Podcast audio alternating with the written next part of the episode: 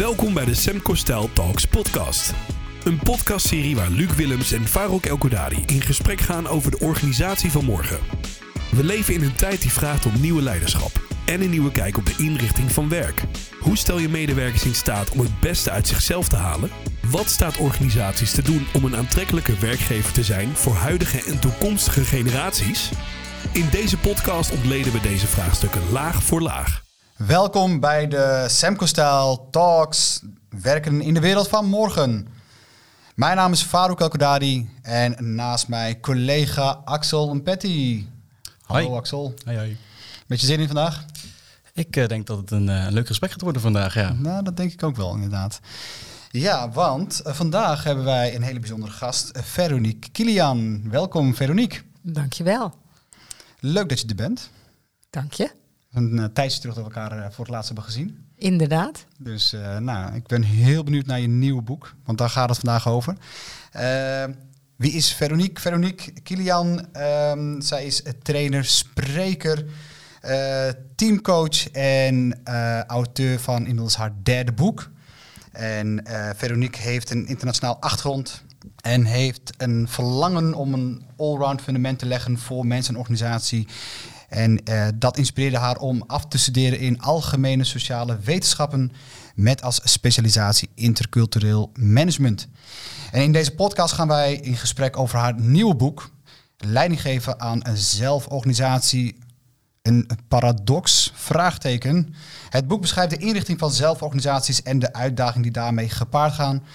Veronique noemt ze ook wel de paradoxen van zelforganisaties. Uh, want is vaak de stelling, zonder leiderschap werkt een zelforganiserend systeem niet. Of misschien toch wel, Veronique.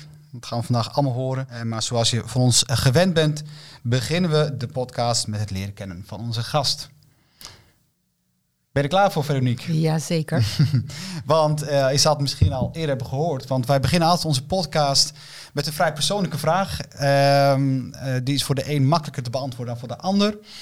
Uh, maar ik vind het ontzettend leuk om gewoon te weten wie uh, zijn nou altijd de mensen die, ehm, nou ja, in dit geval Veronique hebben grootgebracht. Dus de eerste vraag gaat over jouw ouders. Dus ja, wie is je vader en wie is je moeder? Ja, dat is inderdaad een hele persoonlijke vraag. Uh, en dat vind ik leuk om over te vertellen. Uh, mijn moeder uh, is een bijzonder kunstminnende vrouw. zij had altijd verlangen naar schoonheid en om creatief bezig te zijn. En dat is wel iets wat ik van haar heb geërfd. ik heb bijvoorbeeld jarenlang ben ik naar buitenkunst gegaan. Dat is een soort festival in de zomer. En dan leerde ik een hele week uh, te werken aan één thema. En dat was bijvoorbeeld uh, personages schrijven of uh, regisseren. Um, verhalen schrijven, reisverhalen, columns schrijven. Dat soort dingen deed ik daar allemaal.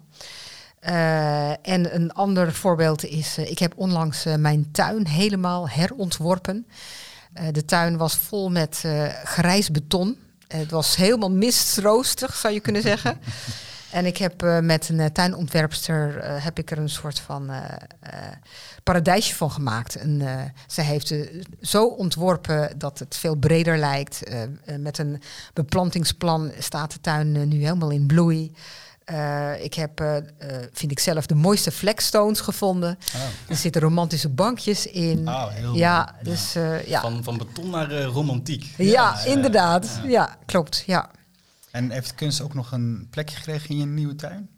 Nou, niet kunst in de zin van, uh, van uh, schilderijen, mm. maar wel kunst in, uh, in het ontwerp. Ja, oké. Okay, ja, ja, precies. ja, ja. ja. Ah, mooi. Ja, en die flagstones zijn ook prachtig. Zo een beetje geel-goud en dan een beetje dat grijs-blauwe er doorheen. Mm. Ja, dat vond, dat vond ik altijd heel mooi aan die flagstones. Ja. Nou, je maakt ons erg nieuwsgierig. Ja, ja, ja. nou, ik zou zeggen, kom binnenkort een keer kijken in de tuin. Nou, ja, hè? graag. ja. En uh, uh, nou ja, dan vraag je natuurlijk uh, wie is mijn vader? Ja. mijn vader was een zeer ambitieuze man. hij had een carrière gemaakt in de financiën. Een hele harde werker. En um, dat ambitieuze heb ik ook van hem geërfd. Ik ben iemand um, met een persoonlijke missie. Ik vind het heel belangrijk om dingen te doen om bij te dragen aan zingeving.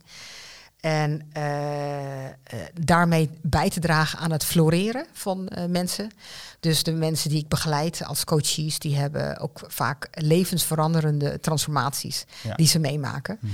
En dat ze dus dingen gaan krijgen die ze niet voor mogelijk hadden gehouden. Ja.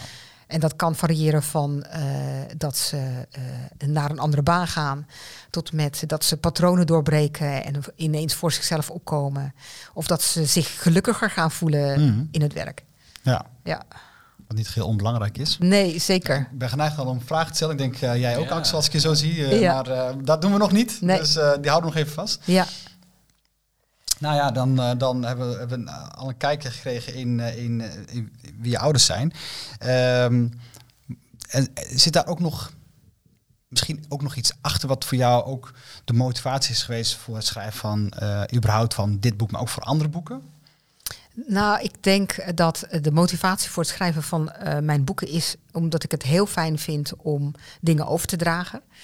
Eh, dus eh, in trainingen, eh, in, in lezingen. Ja. En eh, ik vind het fijn eh, om dat op zo'n manier te doen dat eh, mensen geïnspireerd raken. Ja.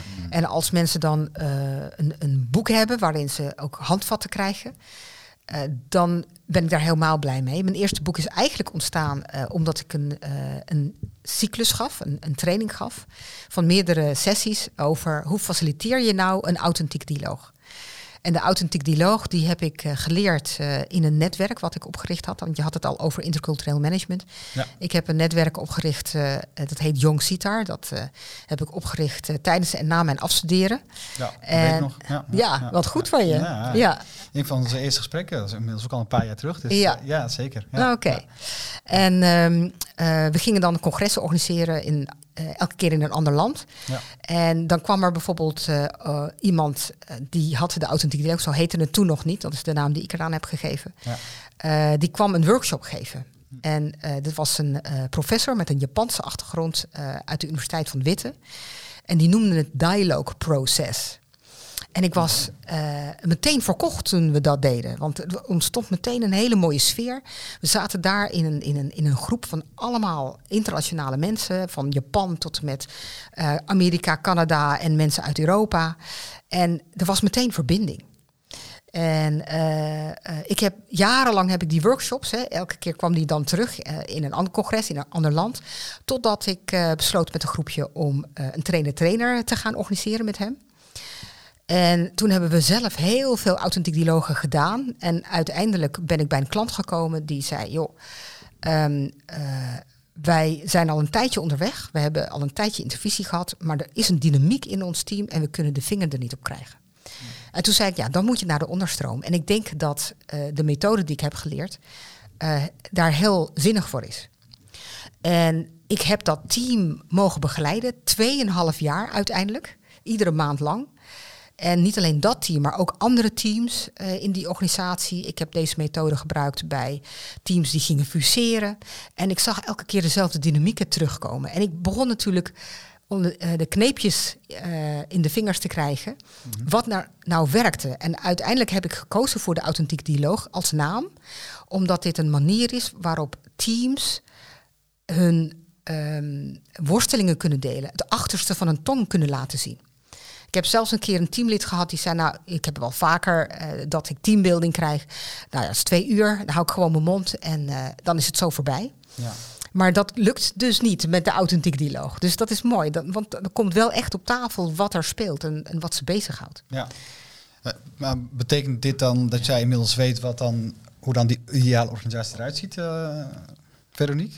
De ideale organisatie. Ideale organisatie. Ja, jouw ideale organisatie. hè? Oh, mijn ideale Ja, ja, ja, organisatie. Nou, natuurlijk heb ik wel een streven. Ja? Eh, eh, een, een organisatie eh, waar ik me thuis zou voelen. Misschien is dat wel, als Ja, ik dat ja, zo mag goeie, noemen, hè, als uitgangspunt. Dat is een organisatie waar veel ruimte is voor het menselijk hart. Hè, dus dat je verbinding kan maken van hart tot hart. dat je je als mens eh, prettig voelt daar. Mhm. Dat er duidelijke doelen zijn. Hè, dus dat je ambities hebt, dat je ergens naartoe werkt. Dat je mensen uitdaagt om eh, bijna, of niet bijna, om over zichzelf heen uit te stijgen. Ja. En eh, dat ze ook daadwerkelijk kunnen flo- floreren.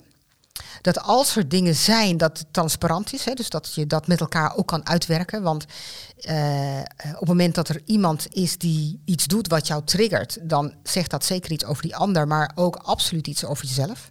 Ja.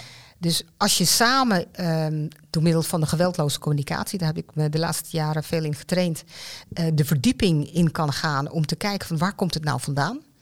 En dan kan je veel potentie openen. Maar er zit ergens ook een grens aan. Soms moet je gewoon eh, duidelijke keuzes maken en zeggen dat je niet bij elkaar past en dat je dan uit elkaar moet gaan. Hè, dus het is niet eh, eh, pappen en nat houden. Ehm, en de, de, de, de organisatieresultaten geven feedback. Dus dan weet je, zit ik in de goede richting of niet. Los van, en dat is natuurlijk ook heel belangrijk, zit het van binnen goed. Hè? Soms dan heb je niet de meeste opdrachten of de hoogste omzet, maar voel je van binnen, ik zit op de goede weg. Ja. Ja, de- daar, daaruit haal ik ook wel dat dus de organisatie iets heel persoonlijks is. Dan moet iemand zich thuis voelen. Dat is voor, eh, voor iedereen hier aan tafel anders natuurlijk. Ja. Ehm, en ja, dat zie ik dan ook wel terug in, in wat je zegt over eh, dat dialoog en het proces van de dialoog. Als ik dan nou, zo, je, zo je boek hoor en eh, ik heb hem gelezen, vol met praktische handvatten, maar ook gewoon zijn bepaalde hoog over thema's die ook worden besproken. En ik denk dat dat misschien een beetje de valkuil is van heel veel managementboeken tegenwoordig. Vaak heel veel hoog over, maar wanneer begin je nou? Eh, dat is wel de vraag waar, waar wij ook vaak mee, eh, mee aan de slag gaan. Is van oké, nou, er zijn bepaalde abstracte concepten, maar hoe maken we die nou concreet? Waarmee wil je nou beginnen? Ja. Ehm, hoe wil jij in je werk staan? Ja. Ehm, en dat is nou, voor jou eh, anders dan, dan voor Farouk en ook anders dan, dan voor mij. Ja, Ehm, en het gaat denk ik ook inderdaad wat je zegt om die, om die eerlijke gesprekken te voeren. Zijn we bereid om de moeilijke gesprekken te voeren, maar ook om de hele persoonlijke gesprekken te voeren? Mhm. Ehm, ik vind dat een heel, een heel mooi houvast om ehm, hem als volgt te benaderen. Kun je buiten de bedrijfsdeuren dezelfde persoon zijn als daarbinnen?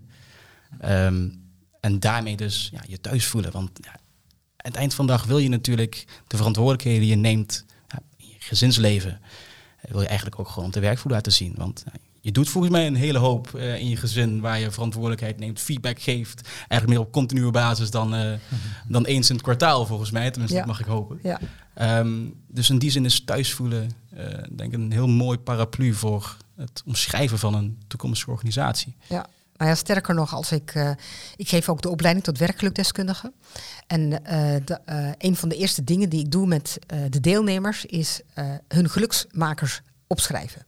En dat laat ik ze eh, dan opschrijven en vervolgens blijkt dat eh, bijna 80% van de geluksmakers die ze opschrijven eigenlijk privé is, buiten het werk. Ja. Dan gaat het over eh, vakantie en dan gaat het over met vrienden uit eten en, en dan gaat het over fietsen en het gaat over lekker in de natuur zijn. En dan zeg ik altijd van ja, dan is er dus nog best wel veel werk aan de winkel met werkgeluk. Want eh, je kan niet de hele tijd eh, wijntjes drinken en op vakantie en eh, eh, fietsen. En dan tegelijkertijd werken. Nou, sommige organisaties kan het. Dat is een, een- meestal een uitzondering in plaats van eh, een regel. Ja. Maar ehm, eh, hoe zorgen we er nou voor dat we dat werkgeluk, hè, want eh, ik denk dat het duidelijk is dat, zei je al hè, in de introductie, werkgeluk is eh, voor mij een belangrijk thema, want daar gaat eh, mijn tweede boek over. Op momenten dat je in een organisatie kunt werken aan je werkgeluk, dan denk ik dat het een groot goed is. Ja, nou ja, ik denk dat je, dat je eigenlijk meteen alweer de kern te pakken hebt. En ehm, eh, kijk, wij als instituut komen natuurlijk eh, met enige regelmaat komen we dus in organisaties. En eh, inderdaad, eh, als je het echt al hebt over wat brengt mij nou geluk, dan zie je altijd mensen toch teruggaan naar een privé situatie. En ja, en hoe moeilijk is het hè, om, om, om die vertaalslag te maken naar, naar de organisatie. eh, en dat je, die, dat je datzelfde geluk wat je even thuis ervaart, dat je die ook op je werk mag ervaren. Ja, Eh, maar dat hangt aan zoveel componenten vast. Dat, dat, is, dat is best lastig, hebben wij wel gemerkt hoor. Om, om altijd werkgeluk mee te nemen in een transformatie. Omdat dat ehm, eh, niet te vatten is in, laten we zeggen, in, in alleen maar wat je doet. Omdat het te maken heeft vaak. Geluk is gewoon. Ja, er hangen zoveel elementen hangen eraan vast. Wat jou gelukkig maakt. Dat Ja. het altijd best wel uitdagend is om dat ook altijd te koppelen aan je werk. Hè. Dus, dus dat is. eh, maar het, ik, ik ben wel benieuwd hoe, hoe, jij dat nou, hoe jij dat nou aanvliegt. Hoe je dan zorgt dat die, dat, dat het geluk wat zij dan thuis ervaren, hoe ze dat dan op hun werk ervaren. Nou, Eh, daar kan ik wel natuurlijk eh, iets over vertellen. Ja. Want ehm, eh, wat jij noemde, het derde boek, hè, leiding geven aan zelforganisatie in paradox. Dat is voor mij een zoektocht geweest mhm. naar gelukkig werkende teams. Want dat vond ik wel belangrijk. Hè? Dus hoe kan een team nou gelukkig werken? Ja. En dan zelforganisatie als tool daarin meenemen. En eh, een van de dingen van zelforganisatie is dat het vrij veel onzekerheid met zich meebrengt. Hè? Er, zit, er zit Ja. een hoge mate van onvoorspelbaarheid in. Ja. Ja. En de hersenen vinden dat niet leuk, eh, die Mm. onvoorspelbaarheid. En eh, wat ik in eh, mijn boek Geluk op het werk train je gelukscompetenties eh, heb uitgelegd, is dat ehm, eh, de hersenen eigenlijk altijd zijn gericht op wat je gevaar kan brengen en wat dus negatief zou kunnen zijn. Hè, Ja, een diegene- hele evolutionaire gedachte. ja, precies. Dus vanuit je overlevingshersenen Ja. en vanuit je amygdala die dan scant dat er gevaar is en dat, je, dat die al doorgeeft dat er gevaar is voordat je zelf doorhebt dat er gevaar is, dat bepaalt heel erg onze waarneming. En dus eh, eh, een van de wetenschappers die zei, eh, als je aan het eind van de dag terugkijkt op tien dingen waarvan er vijf positief, vier neutraal en één negatief is, waar denk je dan aan het eind van de dag het meeste aan? Negatief. Aan het Ja, dat negatieve. zal lastig zijn, Ja, ja. precies. Nou, gelukkig kan je dat trainen. Daarom heb ik eh, eh, mijn boek ook genoemd eh, Train je gelukscompetenties. Omdat je kunt trainen dat je niet automatisch in dat negatieve komt. Ja. En, ehm, eh, en de gelukswetenschap geeft ook aan, dat heb ik naar mijn inspiratie vandaan gehaald, dat het begint met positieve emotie. En als je die positieve emotie kan vasthouden, dan kun je daar een buffer voor maken.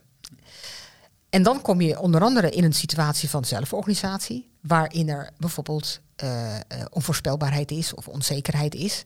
En allerlei worstelingen. Want er is, ik ken geen enkele zelforganisatie zonder worsteling. Wij ook niet. Nee, precies. Nooit gezien. Nee, nee. Dus het, het ehm, ehm, en dan je werkgeluk vasthouden. Dat betekent daarin echt wel eigen regie pakken daarover. Mhm. Eh, en dat is best confronterend. Want eh, mijn ervaring is dat je, minstens dit soort situaties, ehm, die, die triggeren veel. Dus er komt veel naar boven. Ja. Ja. En hoe ga je daar dan mee om? En ehm, eh, in mijn boek over werkgeluk heb ik uitgelegd feel, fly, flourish. En feel betekent de positieve emotie kunnen oproepen. Fly betekent dat je hem als buffer kunt gaan gebruiken, kunt gaan vasthouden, ook al valt het dan tegen. Ja. Ehm, en dan ga je floreren. En dat heb ik dus gezien aan de coaches die ik heb begeleid. Ja, precies. Ja, want, want waar ik soms wel een beetje moeite mee heb, is dat wat ik eh, met enige regelmaat zie, is dat. Kijk, ik denk dat we ons ook gewoon heel erg van bewust moeten zijn dat werken soms ook gewoon niet leuk is. Ja, de belasting invullen hoort er ook bij. Weet je, ja, nee, maar en, en, en, ik, ik, dat concept moeten we met elkaar wel kunnen begrijpen. En, en Ja. het, soms is werk gewoon niet leuk. Ehm, en soms komt werk op een hele vervelend moment in je leven, eh privé situaties die zich voor kunnen doen. Dan is alles te veel. Hè? Dus, dus ik denk dat, eh, dat we moeten oppassen dat we. Eh, dat we eh, werkgeluk, eh, het, het, het, hoeven niet per se eh, synoniemen van elkaar te zijn. En dat, dat hè, dus we moeten een, een we zeggen, een, een, een, een, ehm, nou ja, een omgeving creëren die de mensen wel die, eh, eh, nou ja, we zeggen, die op zoek zijn hè, naar, dat, naar die geluksmomenten of elementen in, in hun werk, dat die altijd gevonden kunnen worden. Maar dat de mensen die, eh, die daar misschien heel anders in zitten, dat die, dat die ook eventjes niet gelukkig hoeven te zijn. Hè, dus dus ik, ik, ik ben altijd een beetje op zoek ook Ja. naar, naar hoe, hoe, hoe, hoe, kan- hoe maak je zo'n heel delicaat onderwerp, wat het toch wel heel erg is, vooral nu in deze tijd, waarbij het ook al heel erg lastig is om gewoon überhaupt personeel aan te trekken. Hoe zorg je dan voor dat eh, het soms ook gewoon, als je gewoon mag zeggen, ja, joh, echt, echt zit daar gewoon. even weet je. doorheen. Ja, Ja, weet je, ik heb precies. gewoon echt even Ja. een klote dag. Ik heb er even, Ja. even geen zin meer in. Ja. Sorry voor mijn woorden, maar Ja. eh, en, en, en ik denk dat, dat we daar iets te voorzichtig mee, mee omgaan. En dus ik hoop dat we daar, eh, dat we daar iets beter op gaan letten met z'n allen. Dat we, dat we ook soms begrijpen dat soms gewoon werk gewoon gedaan moet worden. Ja, Ja. dat komt denk ik Ja. ook weer terug naar, naar de eerlijke gesprekken die je zou moeten voeren. Je kan een eerlijk gesprek hebben over dat je vandaag gewoon echt even niet zag zitten. Ja, Ik heb ja. iets gedaan en ik, eigenlijk deze hele week. Ik moet even aan de administratie. Nou, Ja. Daar gaat niemand om juichen. Maar ben je het bereid om dat ze maar niet helemaal op te laten borrelen in jezelf? Ja. En dan vervolgens thuis in de situatie helemaal laten ontploffen. Maar dat kan je ook op je werk doen. Ja. En daar is een, nou, een veilige omgeving voor nodig. Ja. Eh, dus, dus daarin hoor ik wat je zegt, ja. Ja. Dat het- psychologische veiligheid is denk ik inderdaad een, is- een punt. is Hè? echt, dat is Ja. heel belangrijk. Ja. Ja. En ik ben het zeker met je eens dat werkelijk een delicaat onderwerp is. Ja. En Ja. dat het kan gebruikt en misbruikt eh, worden. Precies. te pas en te onpas. En, eh, eh, en inderdaad, wat ik ook zie, eh, is dat de schaduwkanten, zoals ik ze noem, hè, de, de negatieve emotie, Mhm. als je die niet kan omarmen, dan wordt het inderdaad heel lastig. Want dan krijg je een soort schijngeluk. Ja. Ja. Ja. En eh, dat is wat we niet willen. Eh, vanochtend eh, had ik nog een interview met eh, lid van de Raad van Bestuur van een zorginstelling. Ja. Ehm, ik mag hun begeleiden naar meer werkgeluk in de organisatie. En toen hadden we het even over wat is het verschil tussen werkplezier en werkgeluk. En eh, een van de dingen was dat je kunt gelukkig zijn terwijl je toch dingen moet doen die je niet zo plezierig vindt, zoals Precies. administratie. Hè? Dat, Ja, dat ja. wat, het voorbeeld wat jij net noemde. Ehm, en tegelijkertijd, als je dus er even doorheen zit, zijn er gelukkig allerlei manieren waarop je er wel mee kan omgaan. Want eh, wat ik ontdekt heb is, als je er doorheen zit, dan, dan eigenlijk krijg je zo'n tunnelvisie. Hè? Dan zie je dat op dat moment. Maar als je dan ehm, meer kan gaan ontspannen en in een andere hersengolflengte kan komen, dan ga je weer breder zien. En dan ga je meer context zien en dan ga je relativeren. En eh, dat is eh, wat ik eh presencing noem. Dat is een, een van de geluksvaardigheden. Om erbij te zijn, erbij te blijven en weer breder visie te gaan ontwikkelen. Ja. Even terug naar de psychologische veiligheid. Dat is natuurlijk een heel ja, treffend woord, treffende term tegenwoordig. Ehm, wat ik heel erg mooi vond aan het, aan het onderzoek wat Amy Edmondson heeft uitge- uitgevoerd is. Dat ze ging kijken dus naar, naar teams waar de psychologische veiligheid in die zin dus goed zat. Ehm, en teams waar dat niet zo was.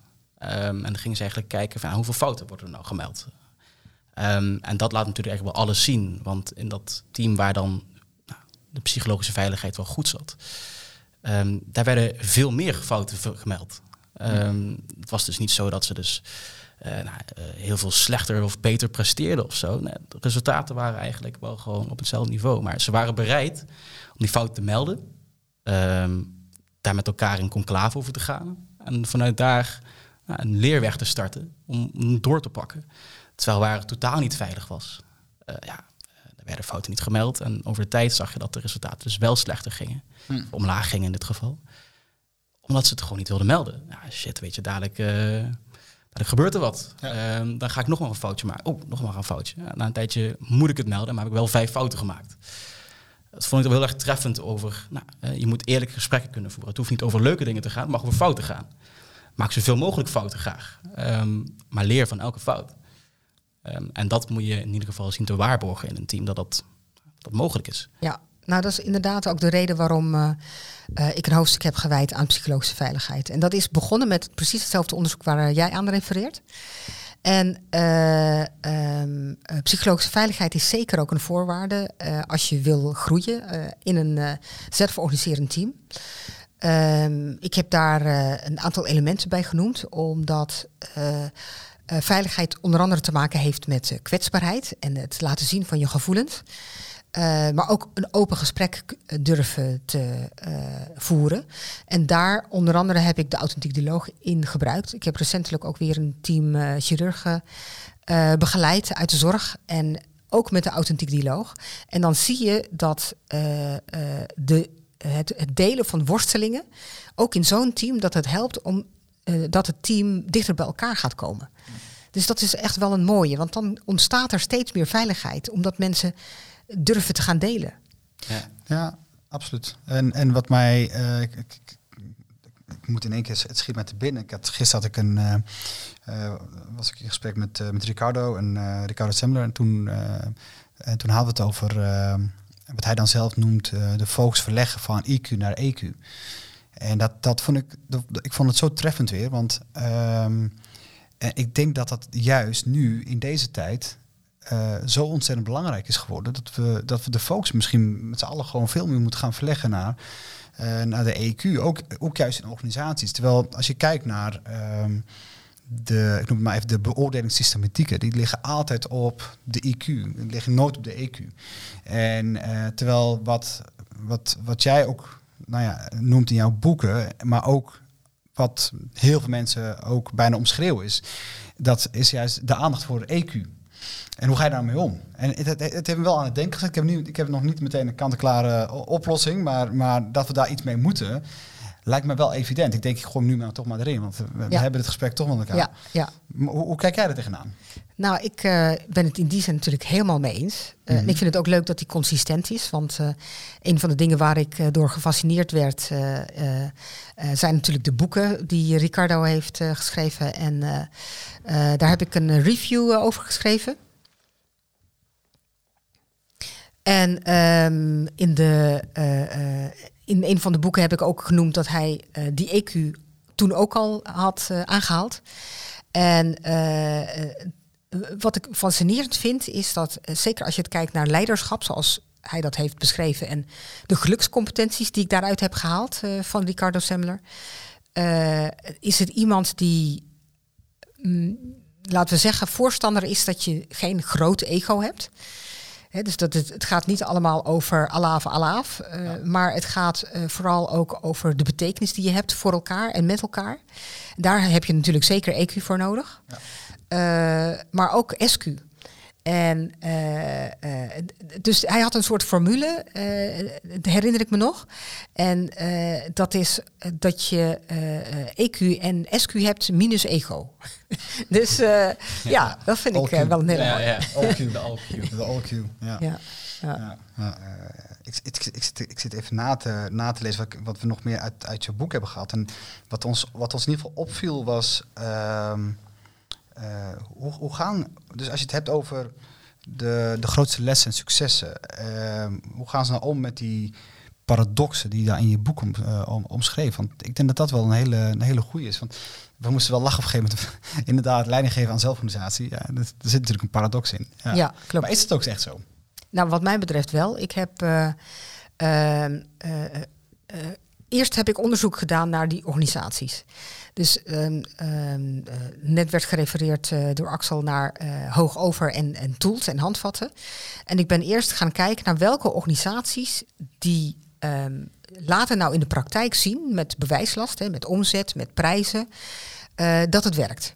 En, ehm, en wat doen ze nou precies? En hoe werkt het dan? En dan zag ik inderdaad door het interviewen, ook door hun leiders, hoe zij dat gingen aanpakken.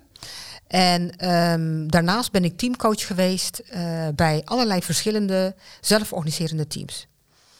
En eh, een van de meest gestelde zinnetjes van een leider was: ja, dan gaan we bezig met zelfsturende teams, zo noemden ze dat dan.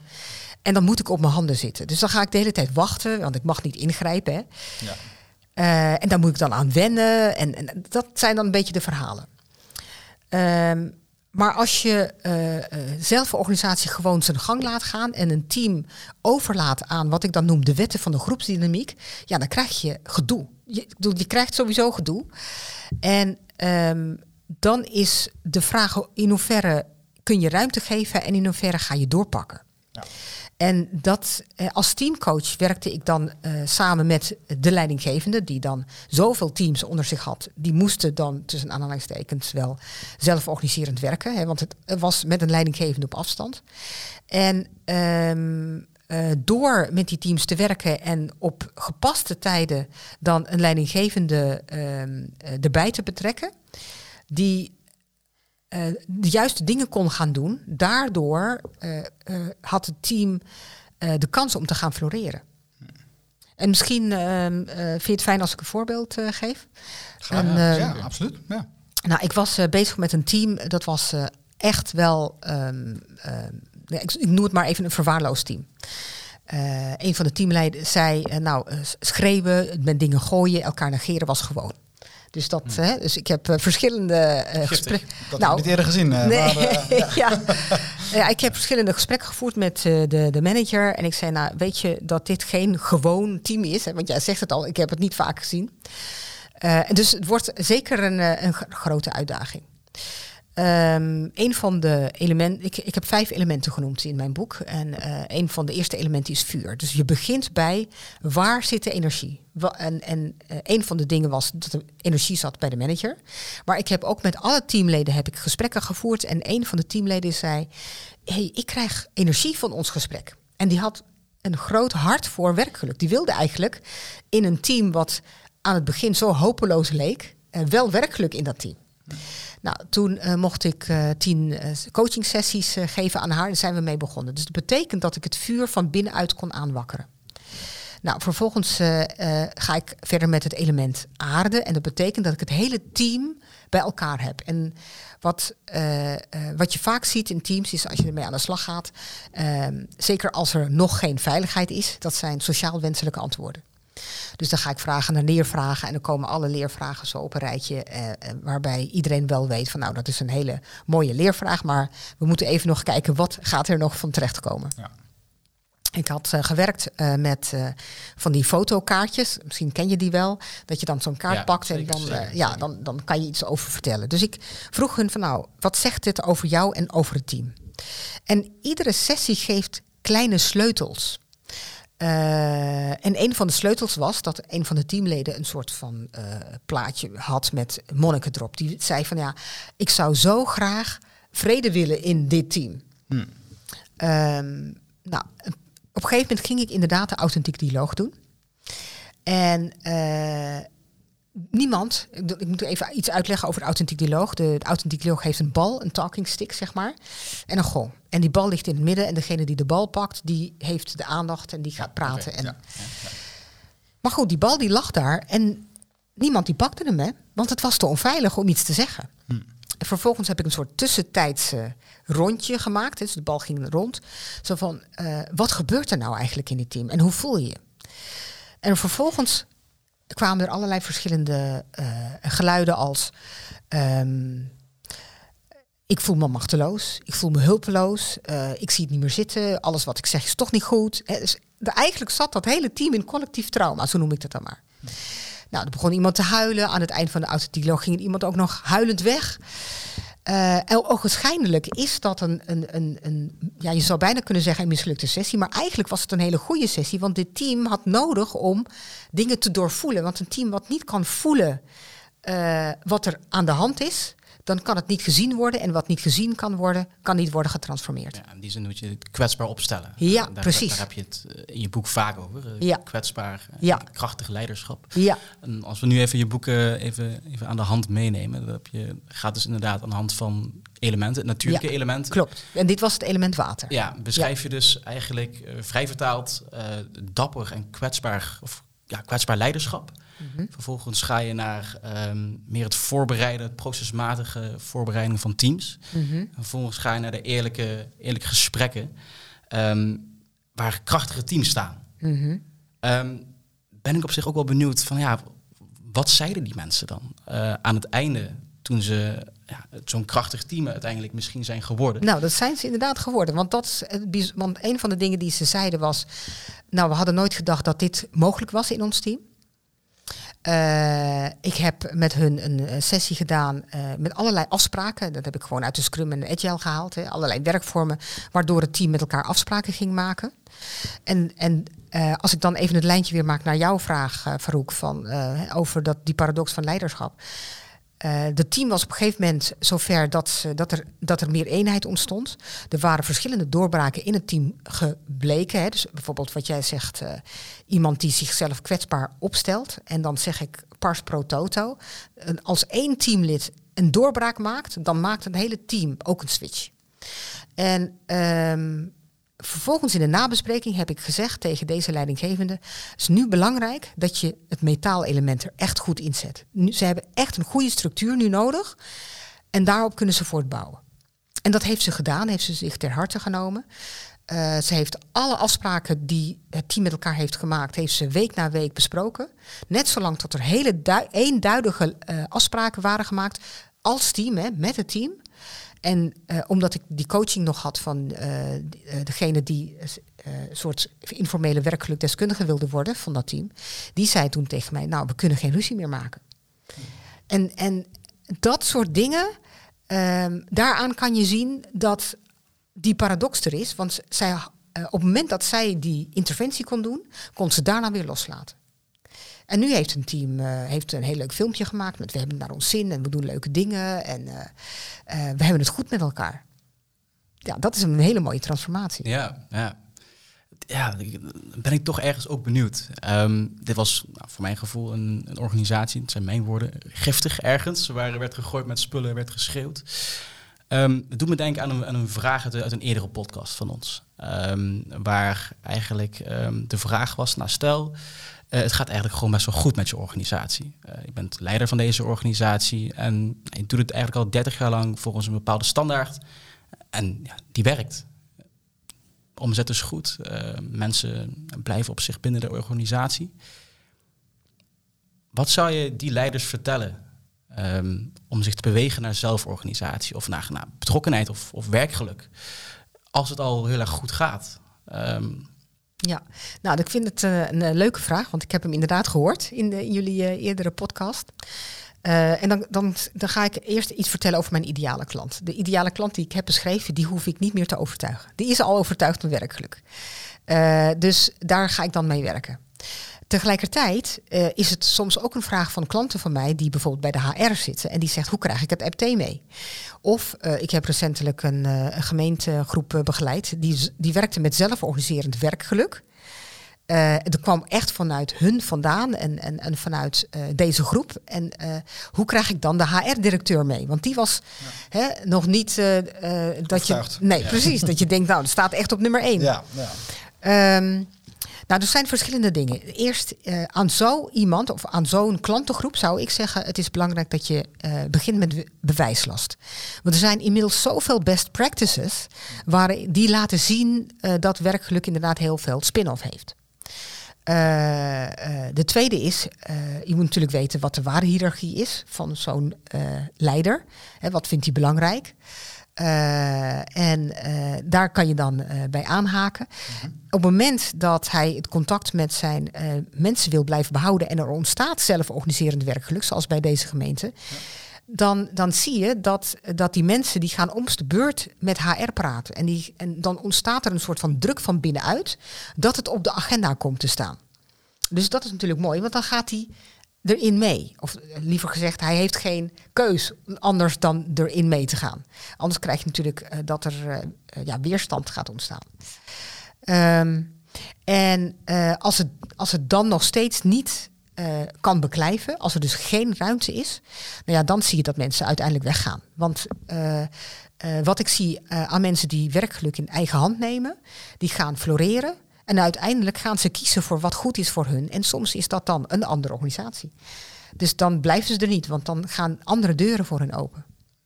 Nou ja, en dat vind ik dus soms heel moeilijk. Ehm, om dus zonder dat je dat het lijkt alsof je nou ja, iets komt brengen of iets komt verkopen. Hè? Dus dat, dat is een beetje altijd. Want ja, kijk, er, zit in wat wij doen, zit er ook een, er zit ook een ideaal achter. Ik bedoel, er zit ook echt wel de diepe wens. eh, die we met z'n allen elke Ja, dag wel uitspreken, is wel echt wel van. Wij hopen ook echt dat, dat organisaties ook gewoon snappen dat het ook echt anders kan. Al- Nou ja, sterker nog, anders moet ja, deze nieuwe generatie, die, die, ja, die laat zich gewoon echt niet meer sturen zoals dat in het verleden is gegaan. Dus, maar ik merk wel dat het soms ontzettend lastig is om dan, eh, om dan iemand te overtuigen dat het ook echt anders moet. En, en tegen, tegen het moment dat iemand dan erachter komt, namelijk doordat er dus mensen op een gegeven moment gewoon weggaan, ja, dan ben je eigenlijk al een beetje te laat. ja, in, in die zin zijn een beetje nu de werknemers in de front seat. ja, ja, absoluut. Ehm, maar dat Ja. is misschien de consequentie van... de keuze die zij maken. Precies. Ja, Dus, dus hoe, wil, ja, hoe, wil- hoe wil je naar die werkgevers gaan en zeggen van ja, ehm, misschien moet jij met diezelfde gedachte in de front seat zitten. ja. Ja, dan mensen aantrekken en binden en boeien, dat is natuurlijk nu een hot topic. Hè? ja, absoluut. Hè, dat Ja. is een van de redenen waarom eh, die eh, eh, zorginstelling met mij wilde werken. Omdat zij hun medewerkers willen aantrekken en blijven boeien en blijven behouden. Ja. In zo'n zo'n zo'n markt waarbij er personeelstekort is. Ja, ja. Dus, en dan ook nog de combinatie, niet alleen met werkgeluk, maar ook met zelforganisatie. Dat, eh, dat is natuurlijk interessant. Ja. En, ehm, eh, daarbij heb je wel een groot goed als de, als de bestuurder of als de grootste leider eh, zich uitspreekt. Uitspreekt voor, voor werkgeluk en voor eh, meer creativiteit. Want dat is een van de redenen waarom, wat ik hoop eigenlijk met dit boek. ehm, eh, dat je een antwoord krijgt op de vraag: hoe kan je nou de creatieve kracht losmaken in een team? Ja. En hoe kan je het zo doen dat, men, dat het niet eh, hoeft met allerlei eh, ehm, eh, trauma's, maar dat, dat het kan met, met, met geluk. Dat, je er, dat je je er prettig bij voelt. En tegelijkertijd dat je een, een manier vindt om met de worstelingen om te gaan. Nou ja, kijk, en, en nou ja, ik, ik vind het ja, weer hoor, het is weer zo'n heel boeiend onderwerp. Vorige podcast zat ik ook echt weer eh, op het puntje van mijn stoel. Want ik, ik, en dit is wat mij echt enorm triggert. Ik, het is, ehm, iedereen die naar buiten loopt, die ziet dat. Tegenwoordig heb je, eh, nou ja, ik, ik zie in heel veel winkels tegenwoordig een A4'tje hangen. Op een woensdag zijn we gesloten. Of op, weet je, dus... Ja. Dus het, het, het, het, eh, het dat, dat loopt echt, nou, het loopt echt gierend uit de klauwen. Dus echt, ik, ik maak me daar wel ernstige zorgen over hoe dat zich ontwikkelt. Met name ook als ik kijk naar de- deze, deze nieuwe generatie. Ik heb, ik heb zelf heel veel neefjes en nichtjes gewoon. Ja, ze kijken gewoon heel anders tegen werk aan. Daar waar vroeger werk ook vooral bedoeld was, gewoon, nou, ik wil nog een zakcentje of ik wil, ja, ik, studeer, dus ik heb nog wat extra geld nodig, gewoon, anders kom ik niet rond. Dus dat, ik merk dat, dat, dat, dat daar wel een enorme verschuiving heeft plaatsgevonden bij deze jeugd. En wat mij dan opvalt, is soms ook echt wel, en dat is bijna frustrerend, de traagheid waar soms organisaties daarmee wensen om te gaan. En dan nog steeds denken dat het eh, allemaal wel weer terug gaat naar het oude. Nee, dat gaat echt niet gebeuren. Eh, de vraag is alleen, eh, kunnen we met z'n allen zodanig, nou ja, weten om te buigen dat we het misschien nog kunnen ondervangen. En dat vond ik wel heel mooi. Ik ben het, ik ben het even kwijt waar ik dat nou gehoord of gelezen heb. Ik dacht zelfs het, het NOS zelfs. Dat, eh, dat er bedrijven zijn die dan nu de omgekeerde sollicitatie doen. Juist, ja. Zichzelf dus verkopen aan, aan nou ja, de toekomstige eh, werknemer. En denk ik, ja, kijk, dat, dat is gewoon gaaf om te zien. Hè? Dat je dus ook bereid bent, dus ook gewoon om juist eh, op een andere manier naar je toekomstige werknemers te luisteren. Ja. En ik denk dat dat, dat soort initiatieven juist enorm omarmd moeten worden. Maar Ja. we moeten ons wel echt bewust zijn dat we echt wel in een heel ander tijdperk leven. Ja. Nou, je ziet dan dat er een verandering is in mindshift eigenlijk. Hè? En door die Ja. verandering in, in, in, in denkwijze ga je ook anders doen. Eh, dus het begint wel allemaal met bewustwording. Ja. En, eh, eh, en bewustwording begint bijvoorbeeld ook met vragen, want ik herken wat jij zegt. Hè? Dus, dus hoe, hoe zorg je er nou voor dat, dat we die shift krijgen? Eh, en dat we anders naar werk eh, gaan kijken. En eh, in een van de lezingen die, ik- die ik gaf, zei er ook iemand tegen mij: Ja, maar werk is toch eigenlijk gewoon een noodzakelijk kwaad. En het was helemaal geen oudere medewerker. Ja. Dus wat ik gedaan heb, is ik heb een vraag gesteld aan de hele zaal. Kwaad, ja. Het zou wel zuur zijn als ze met de helft van mijn leven zijn maar een noodzakelijk kwaad leven. Ja, precies. Ja. Dus, dus ik heb een, een vraag gesteld aan de zaal. Ik zei van nou, wie zou onmiddellijk stoppen met werken als je eh, de loterij won? Nou, er gingen een aantal handen dat gingen omhoog. Dat is Dat is altijd, Ja. dat is altijd zo'n leuk vraag. Ja, precies. Hoeveel, hoeveel miljoen dan? ja. Nou, en... en Hoeveel eh, procent ging eh, met de handen omhoog? nou, ik denk eh, eh, toch wel 30 procent. Zo. Ja. Volle zaal. De volle zaal, ja. En, eh, eh, ja. nou ja, want het is nog steeds de gedachte, hè? je moet werken voor je geld. Hmm. Er zijn ook nog steeds coaches die ook eh, naar mij toe komen en zeggen, ja, maar ik kan dat en dat niet doen, want ja, het is voor mijn werk. Hè? Daar word ik niet voor betaald. Ja. En dus ik, dan, dan zeg ik ook, nou kijk maar even om je heen. Hè. Er zoveel mensen zijn die dus zeggen, nou ik zou onmiddellijk stoppen met werken als ik genoeg geld zou hebben. Ja. En dan stel ik de tegenvraag. Wie zou van jullie doorgaan met werken omdat het werk je voedt, ook al zou je genoeg geld hebben? En toen ging ook een aantal handen omhoog. Nou, gelukkig ook zo'n 30 procent. dus, dus, eh, maar het gaat om die bewustwording dat je om je heen kijkt. En dat er dus inderdaad mensen zijn die anders tegen werk aankijken en op een andere manier eh, het werk invullen. Ja. En dan voedt het je. En dat Ja. is wat we willen. En dan word je ge- getriggerd in die, of eigenlijk uitgedaagd in die creativiteit. Ja, nee, Toch? absoluut. Dat Ja. is echt helemaal waar wat je zegt. En, en ik denk ook wel, en misschien wordt het ook wel tijd trouwens, Axel, dat we ook iemand ook vanuit, eh, vanuit de HR-hoek gaan Ja, uitnodigen ook, om ook, ook een keer dat gesprek aan te gaan. Want het boeit mij enorm gewoon hoor. Ik, ik zie gewoon, ik zie een enorme ontwikkeling daarbuiten. En ik denk, ja, hoe, hoe gaan we daar mee om met z'n allen? En hoe gaan we nou zorgen dat, dat, ehm, eh, dat het beter wordt, dat het anders wordt? Eh, dat mensen echt wel plezier hebben eh, in, eh, in het werk wat ze gaan doen. Ik, ik, ik, ik, ik zat laatst met een timmerman te praten, die was al eh, 35 jaar was hij al timmerman. En op een gegeven moment ehm, eh, hadden we het over nou ja, de jeugd van tegenwoordig. Hè. Dat is ook zo'n makkelijk onderwerp. Hè. ja, maar die jeugd en die jeugd. En ik Ze zei van, niet meer werken. Ja. eh, en ik zei van ja, maar, maar ik vraag me dus oprecht af of het nou echt onwil is of gewoon onwetendheid is. Hè, het is net als dat je, ehm, dat, die, die voorbeelden kennen we allemaal. Ja, de ene is gewoon ontzettend goed met zijn handen. En de andere is ontzettend goed met zijn hoofd. En daar, ik, ik geloof dat daar ook een reden voor is. Dat, dat, eh, maar als we allemaal graag onze kinderen tot eh, advocaat, eh, arts, eh, weet ik hè, eh, laten opgroeien, ja, dan, dan creëer je dus eigenlijk een, een, een samenleving waarvan ik me afvraag of, dat, of die samenleving nog wel goed in balans is. Dus zijn we ook wel met z'n allen ook van bewust dat, dat bepaalde categorie beroepen, dat we die ook gewoon heel hard nodig hebben, gewoon überhaupt Ja. voor onze samenleving. En dat het ook gewoon dat, dat het er mag zijn en dat het echt dat we daar niet op neer hoeven te kijken. Maar dat het juist een enorme aanvulling is eh, voor, onze, voor onze samenleving. Nou, dat zijn dingen die, die mij in ieder geval enorm, eh, enorm bezighouden. Ehm, ik zit ook te kijken naar de tijd, Veronique.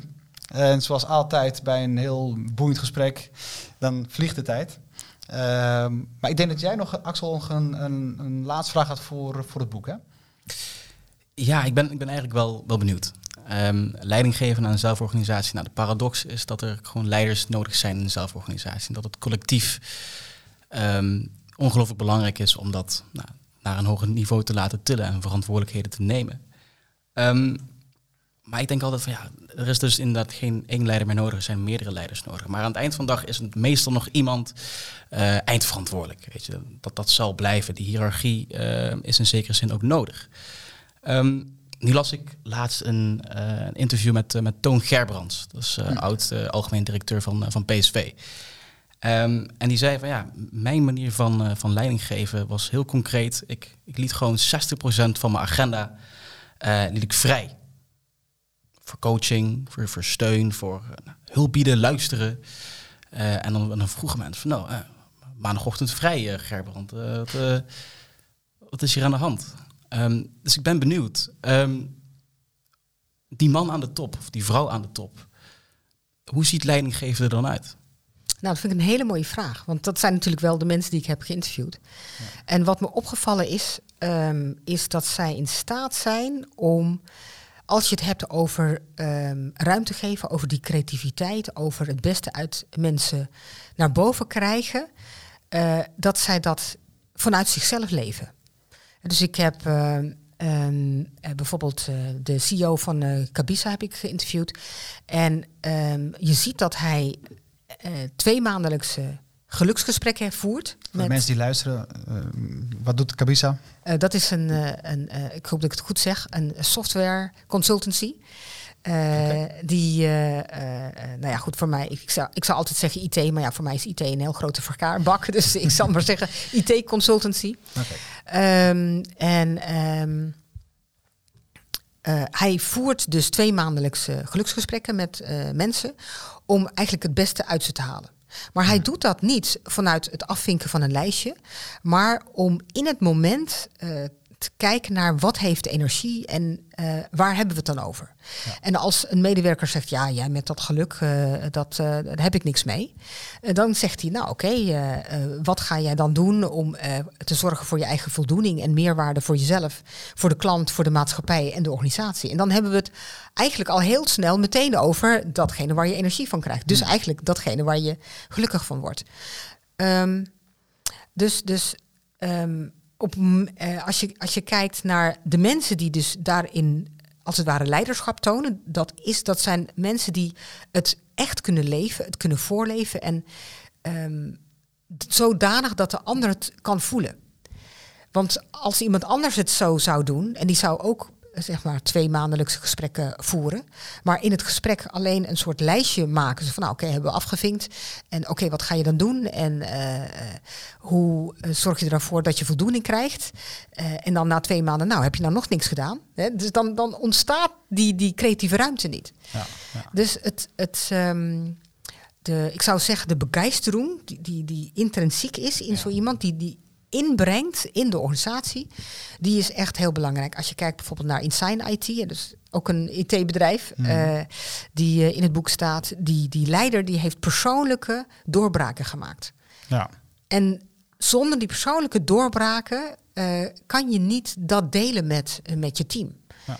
En dat is, daarom is het zo belangrijk dat je, dat je als leider dat kan meegeven en meebrengen. Ja, ik ben het wel met je eens inderdaad. Dat is heel mhm. belangrijk. Mm -hmm. Ja, het is ook een, het is ook een persoonlijk proces hè, wat je, wat je door, doormaakt. Dus, ja. ja. Um, ja, ik vind het uh, bijna erg om te zeggen, maar we zijn inmiddels uh, tegen het einde aan van, uh, van deze podcast. Maar zoals we altijd eindigen, um, geven onze gasten ook gewoon het woord. Hè? Dus je, je, mag een vraag stellen. Je mag, er mag een vraag zijn aan onze volgende, volgende podcastgast. maar niet weten of die, hij of zij het kan beantwoorden of wil beantwoorden. Dus het kan ook zomaar zijn dat hij bij de, de, nee, de, de volgende podcast daarna pas weer uh, wordt beantwoord. Uh, je mag ook een, een, boodschap achterlaten, je mag jouw visie achterlaten. Wat mag het zijn? Nou, ik vind het heel erg leuk dat jullie altijd zo afronden. Mm -hmm. En ik heb een vraag. Uh, want inmiddels ben ik uh, uh, mijn gedachten aan het laten gaan over mijn vierde boek. En dat gaat over de transformatie van pijn. Omdat ik denk dat dat onderdeel is van, van, van dat je kan gaan floreren. dus mijn vraag voor de volgende gast is: wat was of is je grootste pijn? En hoe heb je die getransformeerd? Want ik denk dat, dat op basis van pijn mensen overlevingsstrategieën hebben.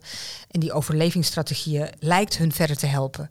Maar uiteindelijk helpt het hun niet verder, omdat ze dan verder afkomen van wie ze werkelijk zijn, hè, van hun essentie, zoals ik dat dan noem. En terugkomen bij je essentie en dat kunnen leven en daardoor gaan floreren is. Uh, een van de mooiste transformaties die ik zie bij mensen. Maar daarvoor hebben ze wel uh, eerst iets getransformeerd. En uh, ja, dat begint bij uh, onder andere een verwonding. Hè, dus dat is uh, waarom uh, mijn volgende boek gaat over van wond naar wonderen. Hmm. Beloofd voor de volgende podcast. ja. Weer een heel eerlijk gesprek. Te... inderdaad. Hij werd ja. van harte uitgenodigd als, als je volgende boek weer verschijnt. ik vind het een leuke vraag. Wat was of is je grootste pijn en hoe heb je die getransformeerd. Ja. Nou, ik ben heel benieuwd wie dan uh, onze volgende gast is, uh, Axel. Ja, ja, ja. Uh, ook dit denk ik ook een hele persoonlijke vraag. Zeker, ja. ja. ja. Dankjewel. Ben je nog aan toe te voegen, Axel? Um, nou, ik, ik denk dat we het heel breed zijn begonnen, maar erg concreet zijn geëindigd. Um, en daarin ook leuke voorbeelden hebben, hebben, hebben meegenomen hieruit. Um, ik wil je bedanken voor dit gesprek, uh, Veronique. Um, ik heb in ieder geval weer wat meegenomen. En niet in een kwaad daglicht in een, in een organisatie te staan, zoals een 30% van sommige zalen uh, zal denken. Um, maar met negativiteit of met vervelende dingen ook, uh, ook om kunnen gaan. Um, en niet altijd denken dat werkgeluk ook geluk is. Um, maar dat werkgeluk ook gewoon, hoe sta je in je organisatie, betekent. Ja. Nou, dank jullie wel voor jullie vragen. Nou, jij bedankt voor je komst, Veronique. En uh, voor, je, voor je inzichten en voor dit boeiende gesprek. Ik, uh, ik laat me altijd weer verrassen. Uh, we zeiden elkaar tegen elkaar van ja, we, we, gaan het gesprek niet voorbereiden, want dat maakt dit gesprek ook zo leuk. En, en dat bleek ook gewoon weer, weer zo te zijn. Dankjewel. Dank. Semco Style Talks.